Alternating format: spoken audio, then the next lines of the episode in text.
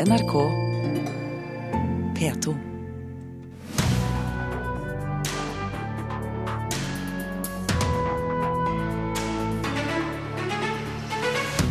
Regjeringens nye talentsatsing vil få problemer med å finne de unge talentene, tror både Kunsthøgskolerektor og Forfatterforeningen. Mezzosopranen Ingeborg Gillebo debuterte på The Met i New York i natt. Og australske Richard Flanagan fikk årets Booker-pris for en roman om dødens jernbane. Dette er saker i Kulturnytt her i Nyhetsmorgen med Ugo Fermariello i dag. Regjeringens planlagte satsing på unge talenter kan få problemer med å finne de unge kunstnerne og forfatterne. Det tror rektor ved Kunsthøgskolen i Oslo og lederen for Forfatterforeningen. Kulturdepartementets nye talentsatsing skal plukke de mest talentfulle unge kulturutøverne og utvikle dem, som det heter. Men det kan bli vanskelig, mener flere, blant dem rektor på Kunsthøgskolen i Oslo, Cecilie Broch Knutsen. Det er et skille her mellom utøvende og skapende kunstnere. Cecilie Broch Knutsen er avventende til Kulturdepartementets nye talentsatsing. Det er ennå uklart hvordan Talent Norge skal identifisere unge kulturtalenter. Men Broch Knutsen mener en slik utvelgelsesprosess passer bedre til noen former for kultur enn andre. Hun lurer spesielt på hvordan Talentfabrikken skal finne unge mennesker med talent innenfor det visuelle. Det er helt klart at unge mennesker som eh, skal danse, altså eller synge, f.eks. Fag som krever mye ferdighetstrening, de kan lettere identifiseres enn f.eks. unge mennesker som vil satse innenfor det visuelle eller på design eller arkitektur. Fordi at det er veldig mye modningsfag. Eh, det handler i mindre grad om prestasjon. Sigmund Løvaasen, som er leder for Den norske forfatterforening, er positiv til at det skal satses på å utvikle de mest talentfulle innen litteraturen. Men han tror det blir vanskelig å finne forfattertalentene før de har begynt på høyere utdanning. Det er jo få arenaer eh, for eh, unge skrivende før de kommer opp i en alder at de begynner på folkehøyskoler og Eh, skrivestudier på høyskoler og universiteter. Eh, eller før de debuterer. Eh, så det, det blir jo en utfordring å, å finne fram til talentene. Jeg vil ha et mangfoldig kulturliv. Et sterkt og et uavhengig norsk kulturliv. Da kulturminister Toril Vidvei la frem statsbudsjettet for en uke siden, avslørte hun at Talent Norge skal bli en selvstendig enhet med eget styre, men med 30 millioner kroner i støtte fra staten i 2015. Hun sa også at det skal være operativt fra januar, og at satsingen er inspirert av idrettens olympiatopp. Den inspirasjonskilden mener kunstner Wenche Gulbrandsen vil fungere dårlig innen kulturfeltet. Hun frykter at Talent Norge vil ha et idrettsaktig konkurransefokus når de vurderer talentene. Nei, det blir litt sånn at uh, hvem er det som maler fortest, hvem er det som skriver raskest, hvem er det som tjener mest penger. Vi vet jo f.eks. at i kunstlivet så, så er den mest interessante kunsten ikke den som selger best. Og hvordan skal de fange opp det? Hun frykter også at talentvurderingen skal bli for strømlinjeformet, og at mange talentfulle kunstnere ikke blir vurdert som gode nok. Gulbrandsen tror vår mest kjente kunstner gjennom tidene ikke ville blitt vurdert som god nok for en slik satsing. Jeg tror ikke at Edvard Munch hadde, som ung kunstner, og litt sånn rabiat og gal i gåseøynene, at han hadde fått positiv tilbakemelding fra en sånn talentkonkurranse. Han har blitt sett på som altfor spesiell. Så de skal få en vanskelig jobb. Vel bekomme sa Wenche Gulbrandsen, og i en e-post til NRK skriver Kulturdepartementet at det vil være opp til styret og ledelsen i det nye selskapet å bestemme hvordan talentsatsingen skal utformes. Reporter Jarl Nymo. Små forlag får ikke lenger selge bøkene sine gjennom kiosker og matbutikker når Reitaneide Interpress legger ned bokvirksomheten.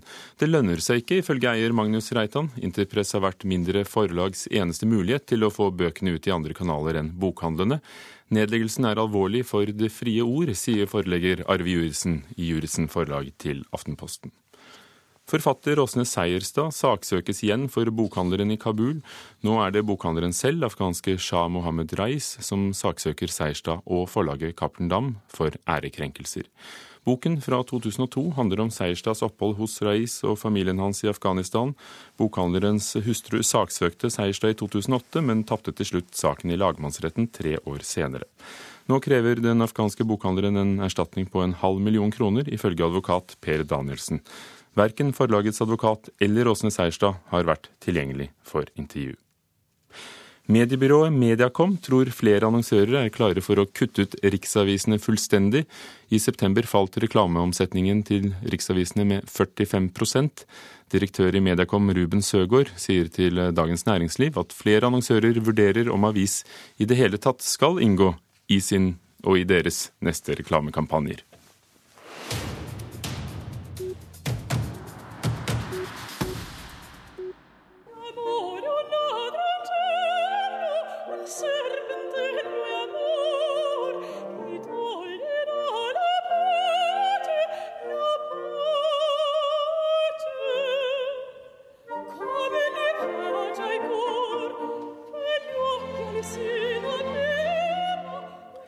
Ingeborg Gillebo synger Mozart, og i går debuterte hun på en av verdens største operascener med nettopp Mozart, men da i Figaros bryllup på The Metropolitan i New York.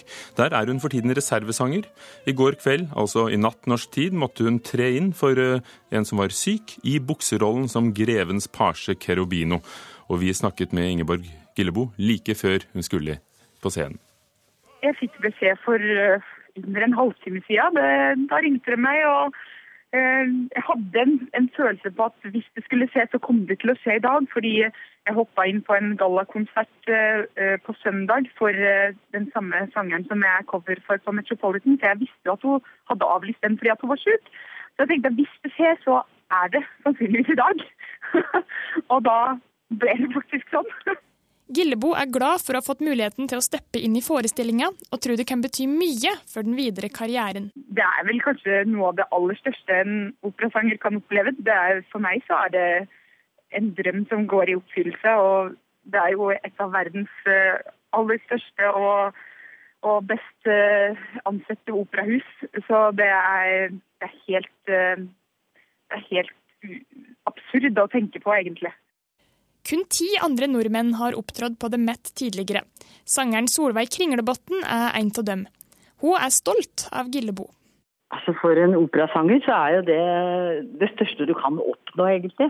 Det er jo verdens største og mest betydningsfulle scene. Så at Ingeborg får lov å synge der, det er kjempegøy. Gillebo har tidligere tatt sangtimer hos Kringlebotn og fått hjelp til å tolke forskjellige roller. Mentoren tror messosopranen kan nå langt, og forteller at de som skal lykkes, må ha enkelte kvaliteter. Nei, det er hardt arbeid over veldig, veldig mange år. Og så må du ha de rette kvalitetene. Du må ha en spesiell klang som at du bærer i et stort rom. og Du må møte de riktige menneskene til den riktige tiden. og. Så Det er mange tilfeldigheter som klaffer sammen, men aller først så er det at du skal ha en god stemme. da. Disse kvalitetene mener Kringlebotn at den tidligere eleven har. Hun tror The Met kommer til å la Gillebo spille flere roller dersom det gikk bra i går kveld. Også hovedpersonen sjøl er fornøyd med å ha fått sjansen. Det er som sagt en drøm som går i oppfyllelse, så det er øh, ja, kjempeglad. Og jeg føler meg veldig sånn Jeg har så lyst til dette her. Jeg er ikke, jeg er ikke redd. Jeg kommer nok sikkert til å bli ganske nervøs i kveld, men, men jeg gleder meg veldig. Jeg føler at det, dette har jeg så innmari lyst til. Så det, ja, det skal bli en fantastisk stor opplevelse for meg.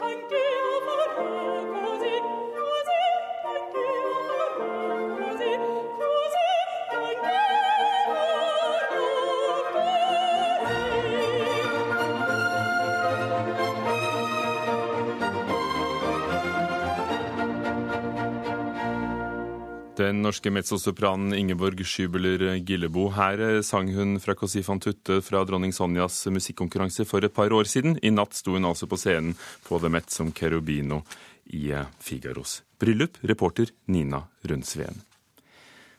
Det som mange ser på som en av de viktigste stillingene i nordnorsk kulturliv, blir eh, snart ledig. Jakten er i gang på ny direktør til Festspillene i Nord-Norge.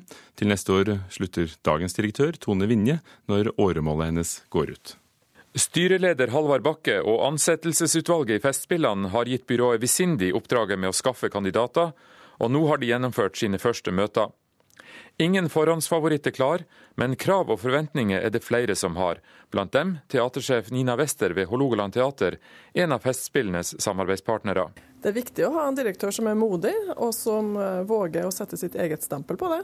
Men som ikke minst involverer hele landsdelen. For Festspillene i Nord-Norge er jo nettopp det. Det er for hele landsdelen. Birger Karlsen var sjef i Harstad fra 2003 til 2011.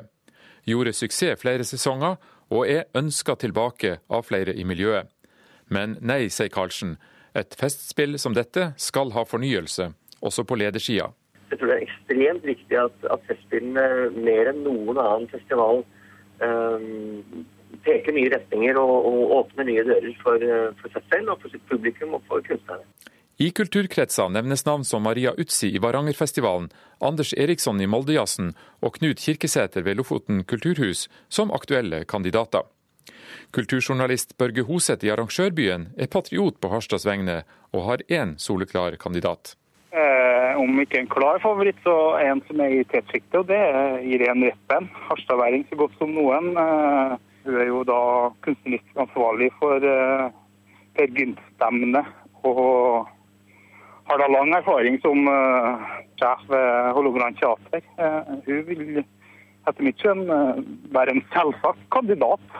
Uansett, dette blir en jobb det blir rift om, sier Nina Wester ved Hålogaland teater. Jeg tror det er attraktivt uh, fordi at det ligger i Nord-Norge. Og det finnes jo ikke noe mer spennende plass i Norge akkurat nå enn Nord-Norge. Og vi har en posisjon i forhold til resten av verden som er veldig interessant. Kunne den stillinga også vært interessant for deg? Nå er jo jeg sjef på Nord-Norges største kulturinstitusjon fra før. Men ja, så hvem vet? Det vil jo tida vise. Og reporter her, Sveinung Åsali. Klokken nærmer seg kvart over åtte. Du hører på Nyhetsmorgen i NRK. Overskriftene. Helge Lund slutter som konsernsjef i Statoil. Halshugging og massehenrettelser har ikke skremt norske ekstremister. Flere reiser for å slåss for terrorgruppen IS. Regjeringen foreslår å fjerne boplikten i landbruket. Senterpartiet mener dette kan føre til boligspekulasjoner i distriktene. Og hvordan virket første verdenskrig inn på Edvard Munch som kunstner? Det skal det handle om senere her i Kulturnytt. Men først til England og London. Australske Richard Flanagan vant Booker-prisen i går kveld. Man Booker-prisen, som den også kalles, er en av de mest anerkjente i verden og gis til forfattere som skriver på engelsk og er utgitt i Storbritannia. Flanagan fikk prisen for boken The Narrow Road to the Deep North, Den smale veien til det dype nord. En storslagen roman om krig og kjærlighet, mente juryen. And that winner of this Man Booker Prize for fiction is The narrow road to the deep north. I had to stop myself shaking actually when I went up on the platform there tonight.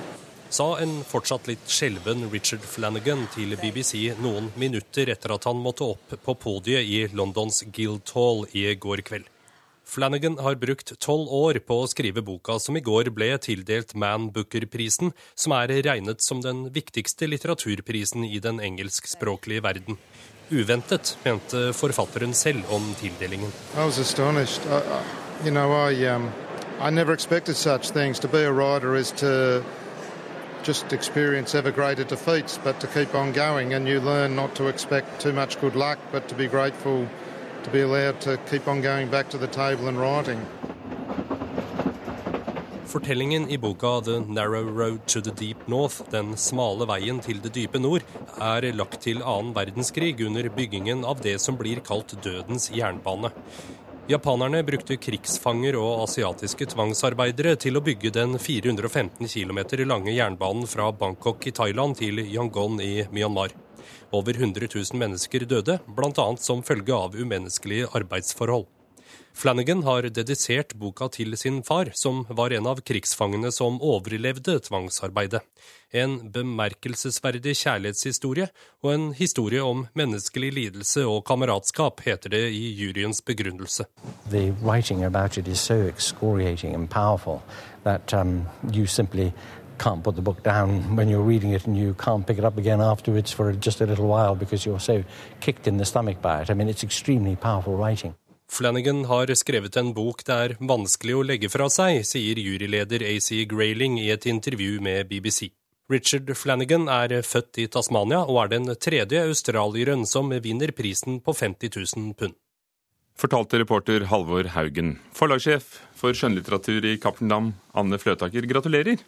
Tusen takk, dette var kjempegøy. For eh, det er bare en uke siden du var på bokmessen i Frankfurt og signerte kontrakten for å få utgi denne på norsk. Hva var det som gjorde at eh, du falt for ikke bare Richard Flanagan, men denne romanen? Richard Flanagan falt jeg jo for for en god stund siden. Han har vi utgitt før også, men denne romanen denne romanen må man nesten lese for å forstå hvor fantastisk den er. Fordi det er som, som det ble sagt, at det er både en kjærlighetsroman og det er et utrolig viktig stykke krigslitteratur om en krig som jeg i hvert fall visste veldig lite om, og om en, del av den krigen som jeg visste enda mindre om. Som, eh, det, er en bok om, om mot om menneskelighet, og om å klare å overleve under de aller verste forutsetninger, samtidig som det er en veldig bra kjærlighetshistorie. Men som du nevnte, det var du som eh, fikk Richard Flanagan først oversatt til eh, norsk. Hva er det som er eh, spesielt ved hans forfatterskap? Han er en skikkelig god, gammeldags forteller. En ordentlig romanforfatter som skriver bøker om om de vanskelige tingene, de, de, dypt menneskelige og de tingene man ikke ø, kanskje ønsker å gå inn på, men samtidig i et språk og med en fortellerglede som, som, gjør at man ikke kan legge den fra seg. Jeg må bare få lov å si den første boken hans, Golds fiskebok, den første vi har utgitt, det vil jeg si, handler om en fangeleir i eh, Tasmania hvor det sitter en fyr og tegner det som skjer rundt ham. Og det er altså en bok som du, du kan ikke legge den fra deg. Den er fantastisk god. Hva betyr det for en forfatter, og kanskje også da nettopp for en forlegger, for jeg hører du har opprømt, å få eh, Booker-prisen? Det er klart at I det engelskspråklige markedet så betyr det jo enormt mye. Da, det betyr en sikkert en syvdobling av salget.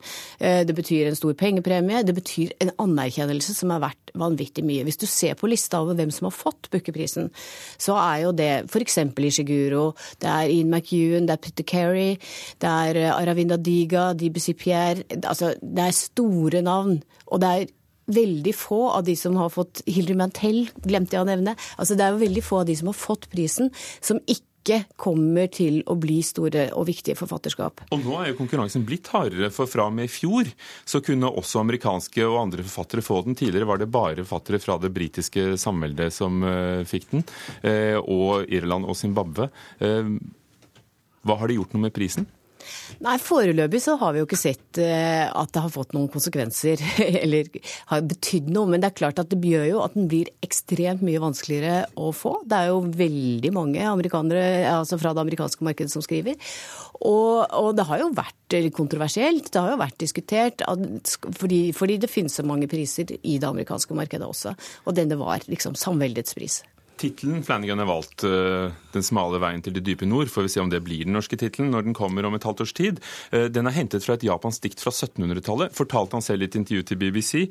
Uh, et høydepunkt i japansk kultur, sa han, for å beskrive noe som er et sted hvor japansk kultur nådde bunnpunktet, nemlig behandlingen av fangene på det som blir kalt dødens jernbane eh, i Burma, som også var tema for filmen The Railway Man, som gikk på kinoene eh, tidligere i år. Eh, og hans far opplevde dette. Hvor personlig er boken? Den er nok personlig i den forstand at alle forfattere skriver fra noe, noe, de kan, noe de kjenner, noe de har opplevd på en eller annen måte. Men jeg vil jo samtidig si at jeg syns det er en veldig eh, rik roman som ikke bare blir et personlig dokument. Og akkurat det du tar opp med det japanske Noe av det som gjorde størst inntrykk på meg, var kanskje den flotte måten han beskriver også at de som er fangevokterne, er fanger. Alle er fanger av den krigen de er en del av, og den jobben de er satt til å gjøre. Og de, de japanske fangevokterne må også gjøre mye som de ikke har lyst til for å overleve. Takk skal du ha, Anne Fløtaker, forlagssjef i Cappelen. Eh, I går kveld vant altså Richard Flanagan årets Man Booker-pris.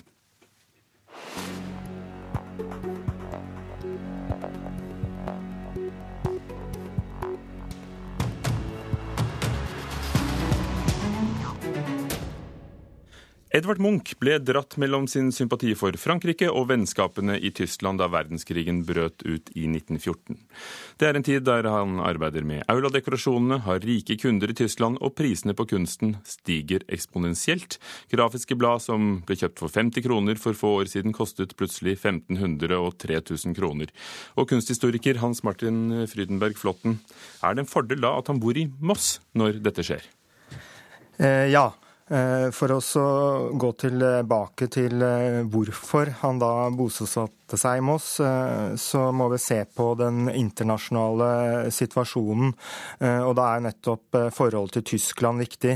Og i 1912 så var det en epokegjørende utstilling i Köln som ble kalt Sonderbundt-utstillingen, der Munch ble fremheva som en av grunnleggerne av den moderne kunsten, på lik linje med van Gogh, Gauguin og Cézanne. Og Munch eh, var fortsatt eh, høyst levende og aktuell, og da var det mange tyskere som eh, ville besøke han. Og han hadde ikke noe galleri som representerte han i Tyskland, så derfor så lå Moss fint til med flott jernbaneforbindelse ut til Europa. Og på Grimsrud gård, hvor Munch bodde, var det da gangavstand til jernbanestasjonen, og med hotell inne i byen. Så der var det flott å, ta og, grunnen til at vi snakker om dette nå, er ikke bare at det er 100 år siden verdenskrigen uh, fant sted, men uh, fordi du har skrevet boken 'Edvard Munch i Moss', 'Kunst, krig og kapital på Jeløya', som kom ut akkurat nå. hvilken Hvor i livet er Munch? Han er jo da i ferd med å bli en etablert kunstner. Eh, og eh, Sonderbund-utstillingen, som eh, jeg nettopp nevnte, er jo et bevis på det. Og noe av det jeg da skriver om i boka, er hvordan Munch høster fruktene av den anerkjennelsen han får i Tyskland. Og det dukker da opp som sagt, nye samlere, viktige museumsfolk, som vil møte ham. Du har skrevet om Munch i flere bøker, bl.a. hans tid på Åsgårdstrand, og, og, og, arbeidet med Munch i flere år. Hva nytt er det å finne om vår mest kjente maler som er så studert? Jeg vil eh, si at hvis eh, her er det, Siden Munch eh, levde et så langt og rikt liv, så er det alltid nye temaer og perioder som man kan utforske. Og akkurat den perioden her i Moss er veldig interessant i så måte. Og den her forbindelsen med Tyskland rett før første verdenskrig og etter den Sonderbundt-utstillingen har ikke vært studert før. Så der har jeg gått gjennom en rekke brever som ikke er publisert tidligere. Og så I forbindelse med krigen så har vi jo da eh, Ludvig Ravensberg, eh, Munchs eh, gode venn og slektning, sine dagbøker som skildrer i detalj hvordan de to diskuterer første verdenskrig, utbruddet der og Munchs reaksjoner. Og de er heller ikke publisert på noe systematisk måte. Så her er det rikt kildemateriale som kaster nytt lys over Munchs liv og kunst. Og hva gjør krigen med Munchs forhold til Tyskland? Det er eh, noe av det som er veldig interessant, eh, siden han hadde da fått mye av sin eh, viktigste anerkjennelse fra, i tysk kunstliv, så skulle man jo tro at Munch hadde all grunn til å sympatisere med Tyskland, på samme måte som Knut Hamsun. Men det vi da ser gjennom Ludvig Ravensbergs flotte dagbøker, er at Munch eh, var i høyeste grad eh, kritisk til eh, keiseren, til det offisielle Tyskland. Han satte pris på sine gode tyske venner, men samtidig så var han høyst kritisk til tyskernes framferd i åpningsfasen av første verdenskrig, hvor de angrep Frankrike gjennom det nøytrale Belgia. Hans Martin Frydenberg Flåten, forfatter av Edvard Munch i Moss. Takk skal du ha for at du kom og snakket om en liten bit av tiden i Moss. For det er mye annet som virket inn på kunsten hans også, kan vi se der. Så absolutt. Tusen takk for at jeg vil komme. Folk har reist til Hessdalen i Sør-Trøndelag i mange år i håp om å se de berømte lysfenomenene. Nå er planene klare for hvordan turisme og vitenskap skal utnyttes til beste for næringslivet i kommunen. Lysfenomenene i Hessdalen har så store treff på nett eh, for året, ca. 11 millioner treff per år så de er mer kjent i utlandet enn i Norge. Mønsteret på det, var jo at det så ut som det fløy liksom bortover og inn i fjellene der, og at det muligens landa inni der. Vitneskildringene fra Hessdalen er mange. Håpet er at det her blir en annen fot å stå på for reiselivet i regionen. Vi har en veldig veldig sterk fot på det her med verdensarvopplevelser, lokalmatopplevelser. Men vi tror at det her med lysfenomenene kan være attraktivt både for å utvikle festivaler, for å utvikle science camp, for å utvikle opplevelser. Når man nå ønsker en mer raffinert infrastruktur for elever, studenter, forskere og turister fra inn- og utland til Hessdalen, er ikke dermed sagt at det skal bygges hotell og parkeringshus.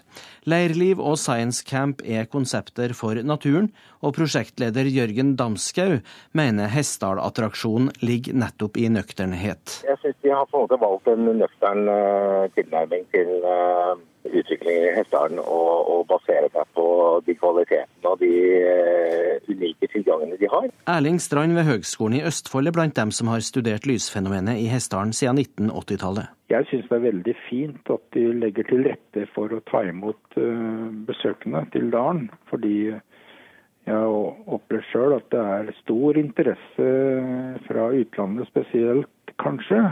Også norske turister som ønsker å komme til dalen og, og kanskje se fenomenet sjøl. Næringslivet i kommunene nær Hessdalen går sannsynligvis for ei satsing på turisme med uoppklarte lysfenomen som magnet- og trekkplaster. Men i hvilken grad kan egentlig turister regne med å få se sjølve hovedattraksjonen? De uh, hurtige lysglimtene er det forholdsvis uh, mye av dem er mer av. Og uh, kan du si vi har vært der med Science Camp, hvor det er da en, nesten en uke. Og ved hver Science Camp så har det vært observert slike hurtige lysglimt. Gjerne en, en, eller to dager i løpet av en uke. De andre store, litt større type lys, altså de store gule ofte, og litt forskjellige former osv., som kan gå nede i, i fjellsiden av dalen, og de er jo vesentlig mer sjelden. Da skal du ha ganske god flaks for at en slik en skulle dukke opp mens du er der. Sa lektor ved Høgskolen i Østfold Erling Strand, og så hørte vi Hilde Bergebakken i destinasjon Røros og reporter Jørn Haudemann Andersen. Kulturnytt var ved teknisk ansvarlig Marianne Myrhol. Espen Alnes var produsent, Ugo Fermarello programleder. Klokken er straks halv ni. Dette er Nyhetsmorgen i NRK. Hør flere podkaster på nrk.no podkast.